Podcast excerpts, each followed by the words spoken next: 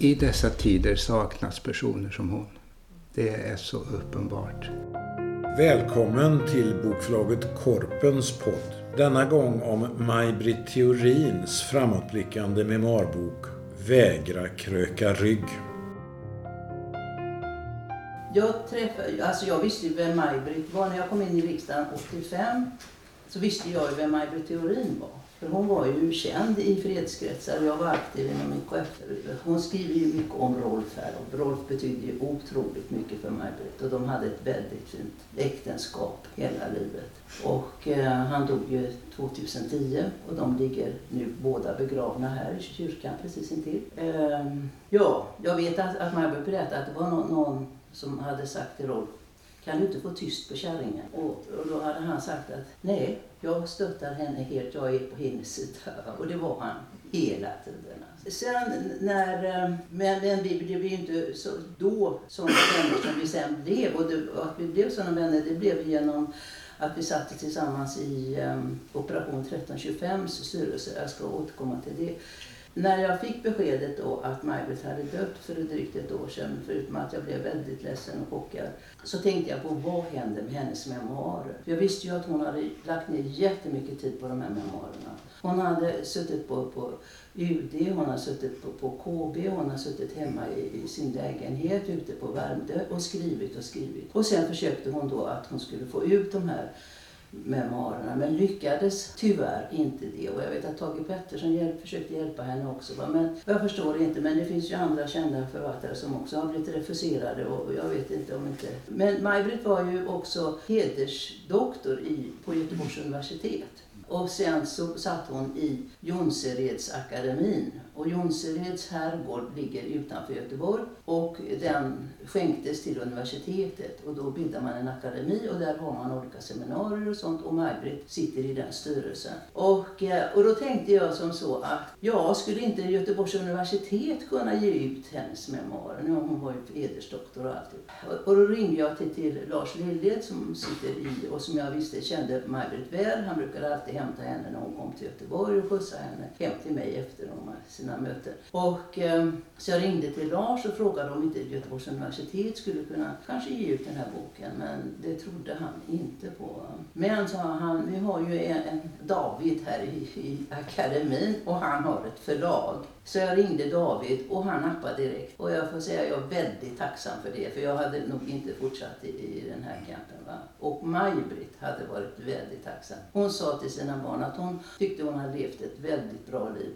Det enda som hon var ledsen för, det var det här att hon inte fick se sin bok publicerad. Och som vad heter det, David sa här att eh, så eh, ville hon ju beskriva, hon skriver ju inte om, om privatliv och så. Hon skriver ju om, om Rolf en del, men hon skriver inte om sina barn. Och, och så hon, under alla de här, de här, när de var så aktiv så födde hon fyra barn. Och hur det här gick ihop så det, det är ju svårt att förstå. Men i alla fall så så skriver hon ju då att hon, hon vill ge sin beskrivning om vara kvinna, fredsaktivist och politiker. Och sen var det ju här också med ambassadör som hon ju också var väldigt stolt för att hon fick vara eh, nedrustningsambassadör för Sverige och leda den nedrustningskommissionen som fanns i Genève och i eh, FN.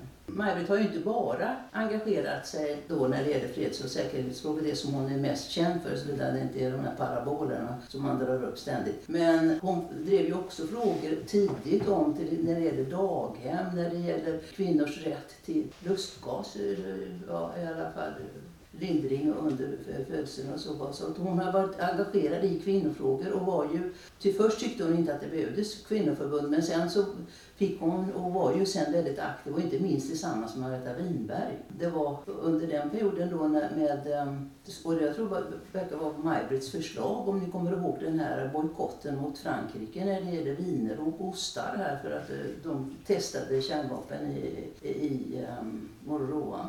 Och väldigt framgångsrikt får man ju lov att säga. Så hon hade ett och, var mycket, och även UN Women var hon ju också med i och, och aktiv. Eh, så kvinnofrågor låg ju henne väldigt nära. Och, jag vet, hon, hon sa också det där, när, och, och Palme hade hon ju stöd hos. När hon skulle diskutera någonting med, med Palme så sa han, ja men den där frågan, den har jag, jag har argumenten hemifrån så det behöver du inte ta med mig. Så Lisbeth Palme var ju också på honom, när det, inte minst när det gällde barn och, och barnens rättigheter. Eh, som fredsaktivist så var hon ju, och jag vet att Thomas kommer att prata mer om FN så jag ska inte säga så mycket om FN, men hon var ju internationellt känd också som fredsaktivist.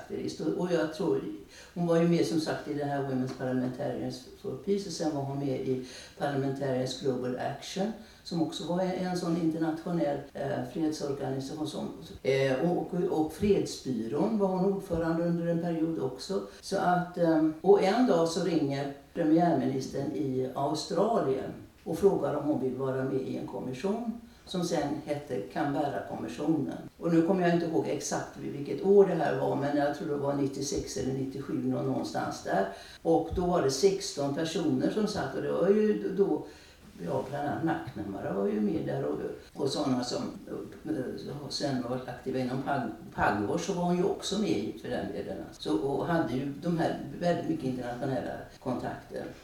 Och det var väl därför som de ringde från Australien, premiärministern ringde från Australien och frågade om hon kunde vara med här. Och de var 16 stycken och Maj-Britt var ju den enda kvinnan där. Men jag ska säga att också eh, Rolf Ekéus var också med. Så vi hade alltså två svenskar med här. Och det tror jag inte idag, så, så eh, undrar jag om vi skulle få någon förfrågan här. Men då var ju Sverige känd för att man drev de här. Och inte minst med Alva Myrdal, Inga Thorsson och sen Maj-Britt Theorin. Som har drivit i hela tiden de här frågorna och, och på ett väldigt bra sätt. Och den här Canberra-konventionen var faktiskt väldigt framgångsrik. De höll på där något år och sen så lade de fram ett förslag till hur man skulle göra sig av med kärnvapen. Och det påminner väldigt mycket om den här FN-konventionen som nu Sverige var med och var aktivt för att få fram i FN men som man sen inte kan skriva under på för att man har fått hot från USA då att om man man skriver på den här, den här konventionen så skulle det förstöra våra internationella relationer och så med USA och med NATO och så. Så att um, vi har ju inte skrivit på den och det, det här var ju Maj-Britt väldigt besviken på att inte den socialdemokratiska regeringen kunde skriva på den här konventionen. Och det var det sista hon skrev i boken faktiskt. Alltså nu har vi David gjort en del förändringar här. Men, men det var det sista hon skrev, det var den här motionen som hon hade lämnat in, som skulle upp sen i kongressen. Hon jobbade in i det sista alltså, och var ju väldigt klar också över var hon stod i de olika frågorna. Och den där som sagt, den, den, den här Canberra-konventionen står om det var 16 eller 17 olika steg som man skulle gå här för att nå fram till att man ska avveckla kärnvapen. Och den togs då utav NPT-konferensen, den här översynskonferensen som var 2020, icke-spridningsavtalet som ni känner till. Och eh, då tog man det alla. Och för då var det ett annat läge som det är svårt att tänka sig idag alltså hur det ser ut. Men då var det så att eh, då 2000, ja då var det Ryssland ja och USA, de var ju överens om då att man faktiskt skulle trappa ner och göra sig av med kärnvapen. Alltså. Men sen dess har man ju inte följt upp det här. Alltså. Och sen har det ju gått, och sen har det ju varit översynskonferenser, man har ju var femte år. Då har det ju hänt att man inte ens har kunnat ha något slutdokument för man är inte överens. Och man är definitivt inte överens om det här. Och, och man ser ju nu på den här konventionen som är faktiskt då det, precis det som, som man tog upp i Canberra-konventionen. Det skriver ju inga NATO-stater skriver ju inte på här. De får ju inte skriva på här om man förstår. Och, och det är väl därför som, som Sverige inte heller har skrivit på. För, och nu, nu ska vi ju in i NATO. Så, men, men även innan dess så, så var, kunde man inte heller skriva på. Sen ska det i och för sig ratificeras i riksdagen och där vet vi att där finns ju inte majoritet för att skriva på det här med de borgerliga och, SD. Så, men i alla fall kunde ju regeringen ändå ha skrivit under tycker man. Så, Maj-Britt var ju väldigt, och det framgår ju också här eh, i boken, eh, hur aktiv hon har varit just när det gäller kärnvapenfrågan. Den, eh, som politiker, alltså hon satt 25 år i riksdagen. Och det skriver man, det var ju lite för långt tyckte hon sen efteråt. Men, och det kan man nog tycka. Va? Sen, sen var ju hon väldigt aktiv också när vi skulle folkomrösta om EU. Och då var ju hon på eh, nej-sidan. Och det var jag också.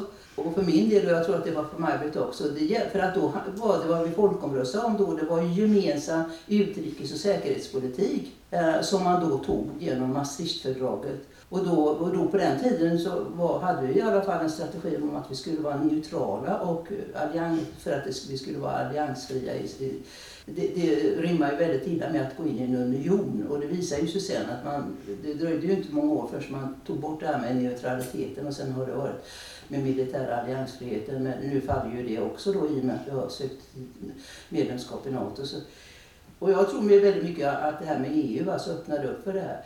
Men då 95 när det första var valet till som vi fick komma med för då skulle man med, först skulle man då direkt eh, sätta in från riksdagen så då fick hon komma in på något vis. Så att hon satt ju där eh, i EU-parlamentet och, och sen blev det ju val då och då hade ju Socialdemokraterna två listor med um, nej och ja-sägare.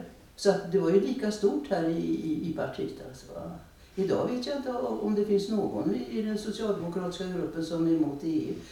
Det tror jag faktiskt inte. Men eh, i alla fall, Maj-Britt satt där i tio år och då satt hon också i Dels var hon ordförande när det gäller kvinnoutskottet och drev då kvinnofrågor. Och hon tog upp inte minst den här frågan om eh, som sen blev FN-konventionen 1325 om kvinnor, fred och säkerhet. Sen var hon ju med då i, i um, den operation 1325 som, som finns i Sverige i styrelsen och där var jag också med och um, där blev vi sen väldigt goda vänner.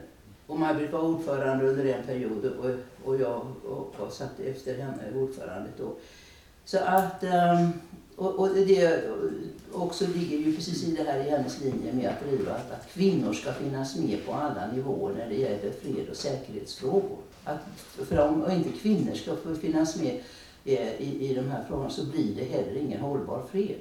Och Maj-Britt var väldigt angelägen om att, sä att säga att 1325 det är inte en genusfråga. Utan det här är en säkerhetsfråga och det togs i säkerhetsutskottet. För det handlar om säkerhet för alla.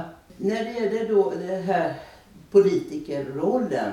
Dels var ju Maj-Britt väldigt god talare. Och många var ju rädda, vad jag har förstått inom partiet där när hon hade lagt frågor och när hon gick ut och talade för att hon fick ju oftast med sig kongressen och så. Och hon var ju också, ställde ju upp i alla möjliga sammanhang och var ute och talade. Alltså. Och jag tror hon tyckte det var roligt också att tala. Och hon fick ju också en sån respons och var ju så uppskattad. Men hon var också väldigt duktig på det här med det interna livet inom politiken. Hon visste precis, liksom, hon var ju med, var ju med i ungdomsförbundet från början och, och har ju lärt sig politiken från, från, från, unga år och hur man ska driva Och jag tror särskilt de här ungdoms, det är nog en väldigt skola där att vara med i de här ungdomsförbunden för de lär sig verkligen hur man ska tackla frågor och gå fram. Och det visste Maj också, hur hon skulle på, vilka det var som, som hon skulle gå på för att få med med sina motioner och få folk att ta förslag och, och, och, och, att det ska komma upp till kongressen och att sen att man ska följa kongressen, säger vad kongressen säger och så vidare. Så hon, hon var en väldigt proffsig politiker. Ja, då är frågan här, vad skulle Maj-Britt säga idag? Och, och, det kan man ju undra vad, hon skulle säga för det är en förfärlig situation som vi har. Där det är bara krig och elände hela dagarna som vi matas med i media. Och det är ju väldigt svårt att, att få fram något fredsbudskap i det här.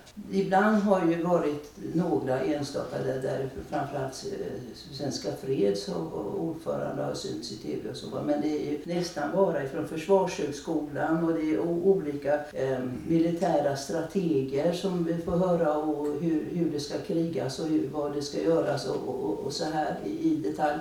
Ja, Maj skulle naturligtvis vara förtvivlad över situationen här. Men jag tror att hennes röst skulle behövas idag. Och det här är ju ändå ett sätt med boken att eh, läsa hennes tankar och hur hon menade på att, att eh, man måste jobba för fred och då kan man inte rusta för krig. Jag blev lite förvånad när jag läste att hon hade suttit i, i försvarsberedningen och, och, att, och att de hade satt henne där. Men, men, men det gjorde hon faktiskt och det var under den tiden som Socialdemokraterna var i majoritet. Och det var framförallt vad hon tog upp där och då, det var ju, hon, hon reserverade sig dessutom eh, mot att man skulle satsa på, på JAS-plan och utveckling av stridsplan. Och, och, och, och, också att man, att man skulle öka den militära budgeten var hon också som hon tog upp i den här reservationen. Alltså. Och om man tänker på idag, när vi nu ska öka upp till 2 vilket ju gör att vi ja, mer än fördubblar här alltså he, hela försvarsbudgeten. Jag menar man skapar ju ingen fred genom att bara satsa på, på, på, på krig och ändå mera vapen. Därtill kommer ju det här med, med NATO-frågan. Och jag tror ju inte, men det, det är klart jag, jag kan ju inte veta, det är ju så många som har ändrat sig här, men jag, jag skulle ju absolut inte tro att Maj-Britt skulle tycka att vi, Sverige ska gå med i NATO. Det är NATO som är en, en kärnvapenallians.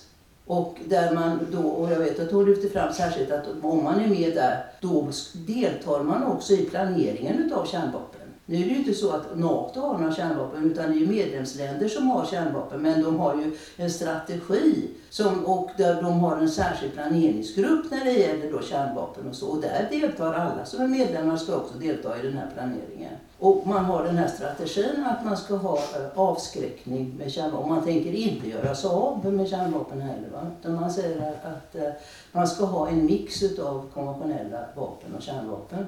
Och man är helt emot den här konventionen, FN-konventionen om att avskaffa kärnvapen. Det står väldigt tydligt också. Så jag kan ju inte tro att Maj-Britt skulle tycka att Sverige ska gå med i NATO. Det, det är för, för mig osann, väldigt osannolikt. I dessa tider saknas personer som hon. Det är så uppenbart. Så personer som är inne i det politiska spelet men självständiga. Och det skulle vara oerhört intressant, jag, jag, antar att det finns en del i boken också, intressant att få en analys av hennes relation till ledningen inom det socialdemokratiska partiet. Det var perioder då Olof Palme verkligen var den som stöttade henne och som säkerställde att hon inte blev föst åt sidan av de som tyckte hon gick för långt och att hon var för bråkig. Så hon fick ett visst stöd där. Men det är klart att det var ledande socialdemokrater som inte tyckte hon riktigt behövdes faktiskt. Och det där eh, tycker jag är särskilt intressant i dessa tider då just de frågor som hon drev har blivit så ohyggligt aktuella i dessa dagar. Väldigt aktuella. Och hon drev det i riksdagen och hon satt där som du sa i 28 år faktiskt och var på det spåret i stora delar av den tiden. Sen satt hon ju i två perioder i EU också och drev de där frågorna. Så hon hade en lång, lång tid då hon verkligen drev de här frågorna konsekvent i stort sett hela tiden. Det som, det som jag har blivit mest imponerad av egentligen, bortsett från det var hennes arbete inom Förenta Nationerna. Därför där var hon en personlighet och som hade väldigt mycket kontakter. Och det var hon som faktiskt drev den här eh, väldigt intressanta eh, beslut som tog av säkerhetsrådet. Säkerhetsrådet tog beslutet om kvinnors roll i krig. Och den, den, den, eh, det beslutet som togs där har haft en väldigt stor betydelse. Och du nämnde det. Väldigt stor betydelse. Och det, det hänvisas till fortfarande efter alla dessa år som en av de historiska ställningstagandena som säkerhetsrådet enhälligt antog i ett, ett, ett ögonblick. Då. Det var en öppning faktiskt. Och det var hennes förtjänst. Det var hon som eh, utarbetade förslaget. Det var hon som mobba, alltså lobbade i säkerhetsrådets korridorer och fick eh, land efter land av de 15 i säkerhetsrådet att ställa sig bakom detta. Och sen så ledde hon också arbetet att göra någonting av det hela. Och jag menar att de principer som togs av säkerhetsrådet eh, då har bara delvis, bara delvis genomförts. Och därför skulle det vara aktuellt att man gör en ordentlig tittning på vad är det mer som måste göras? Också naturligtvis då med erfarenhet av det som nu sker i Ukraina. För det är de, de frågorna. Och det var inte bara att kvinnor tillsammans med barn är de, de som värst drabbas av krig och konflikter. Utan också det absolut centrala att kvinnor, du nämnde det, att, att kvinnor får en roll i arbetet att förhindra konflikterna. Att säkerställa att om det bryter ut ett krig, att det får slut så fort som möjligt. Att det blir en möjlighet för kvinnor att spela en roll när det gäller att skapa fred när freden har kränkts. Där, där tror jag att hon hade en väldigt viktig punkt. Och där finns det brister fortfarande. Fortfarande när man börjar diskutera vem som ska eh, medla mellan olika så är det nästan bara karlar som nämns överhuvudtaget. Det är säkert en förlust därför att det, det, man liksom avstår ifrån en massa erfarenheter där som skulle spela en viktig roll. Och det var en av de punkterna som, hade, som hon hade. Och jag hoppas att eh, det i, i, i politiken i Sverige nu tas en ny, kanske som hjälp utav, som hjälpt av, av den här boken, titta lite grann på vilka av de här allvarliga frågorna om hur man ska förebygga krig och hur man ska hantera krig när det uppkommer och sen säkerställa att inte kriget bryter ut igen, vilket är en stor risk just i Ukraina och Ryssland naturligtvis. Och, och, och man, man, tar lite grann hennes, hennes hållning i, i den här frågan. Hon var en väldigt trogen socialdemokrat, även om hon fick lite stryk då och då, för det fick hon. Och hon, jag, jag mötte henne inte så långt före hon avled. Då var hon på ett möte i det här huset och begärde ordet och pratade fortfarande och ställde intressanta och viktiga frågor. Och precis som du sa, hon hade många stöd. Alltså hon kunde säga nästan vad som helst. Den lyssnade i alla fall. Och de som hade förberett de olika besluten hade besvär när hon gick emot de förslagen. Så hon var en viktig del av det positiva inom socialdemokratin. Eh, och, eh, hon var en av de kvinnor i Sverige som verkligen har arbetat effektivt och, eh, om, om ja, fred helt enkelt, nedrustning. Du nämnde den här väldigt viktiga beslutet om kärnvapen i Förenta Nationerna. Det var FN, hela FN-systemet. Jag vet att hon var helt emot det beslut som togs, nämligen att vi skulle hoppa av. Och, och var väldigt bitter av det. Och hon skrev ju, precis som du sa, hon skrev ju en, en, ett förslag till ett ställningstagande till partikongressen. Så vitt jag vet så stängdes den inte av därför att hon avled, utan den fördes vidare. Och eh, det var en del andra eh, resolutioner också med samma innehåll. Men, men det, det antogs alltså inte till sin stora del. Och så kom det sådana där märkliga undanflykter som att ja, men vi ska vara observatörer i de här. Vi ska inte vara medlemmar, vi ska vara observatörer. Men alla de som vet hur FN-systemet eh, reagerar när det gäller den här typen av konventioner. Så att vara observatör, det är absolut ingenting. Man har rätt att komma till ett årligt möte och lyssna på vad de som har ratificerat diskuterar. Man har inte rätt att prata ens om det. Så det, det var bara ett, ett, ett, sätt att försöka säga att man, man är med i alla fall trots att vi på grund av amerikanska påtryckningar inte kan eh, ratificera, ratificera det som vi hade varit så aktiva i att driva och formulera så att där, där har det ju naturligtvis blivit en, en, ett, ett, problem inom socialdemokratin och jag är väldigt kritisk emot det och jag är inte ensam inom socialdemokratin där. Det var väldigt tråkigt och det gav en väldigt eh, bister syn också på konsekvenserna av att vara med i NATO. Att det är så totalt styrd av Förenta, eh, Förenta Staterna. Och det här, det här hade hon känsla för. Det var ingen tvekan om, om hennes hållning där och det behövs den typ av av röster. Nu är hon inte där längre. Jag tycker det är väldigt värdefullt att det blev en bok. Jag har inte hunnit läsa den men jag antar att, att det finns saker där som verkligen behöver spridas. Jag hoppas att socialdemokratin som helhet är beredd att ta till sig den boken och acceptera att vi behövde verkligen, vi behövde verkligen personer som stod upp på det sättet för sina egna åsikter, för ideella ambitioner och inte bara följde det som då kanske gav mest utbyte eh, i riksdagsdebatterna. Du har lyssnat på bokförlaget Korpens podd om Maj-Britt Theorins bok Vägra kröka rygg. Medverkade gjorde Ingela Mårtensson och Thomas Magnusson. Själv heter jag David Karlsson och är förläggare vid bokförlaget Korpen.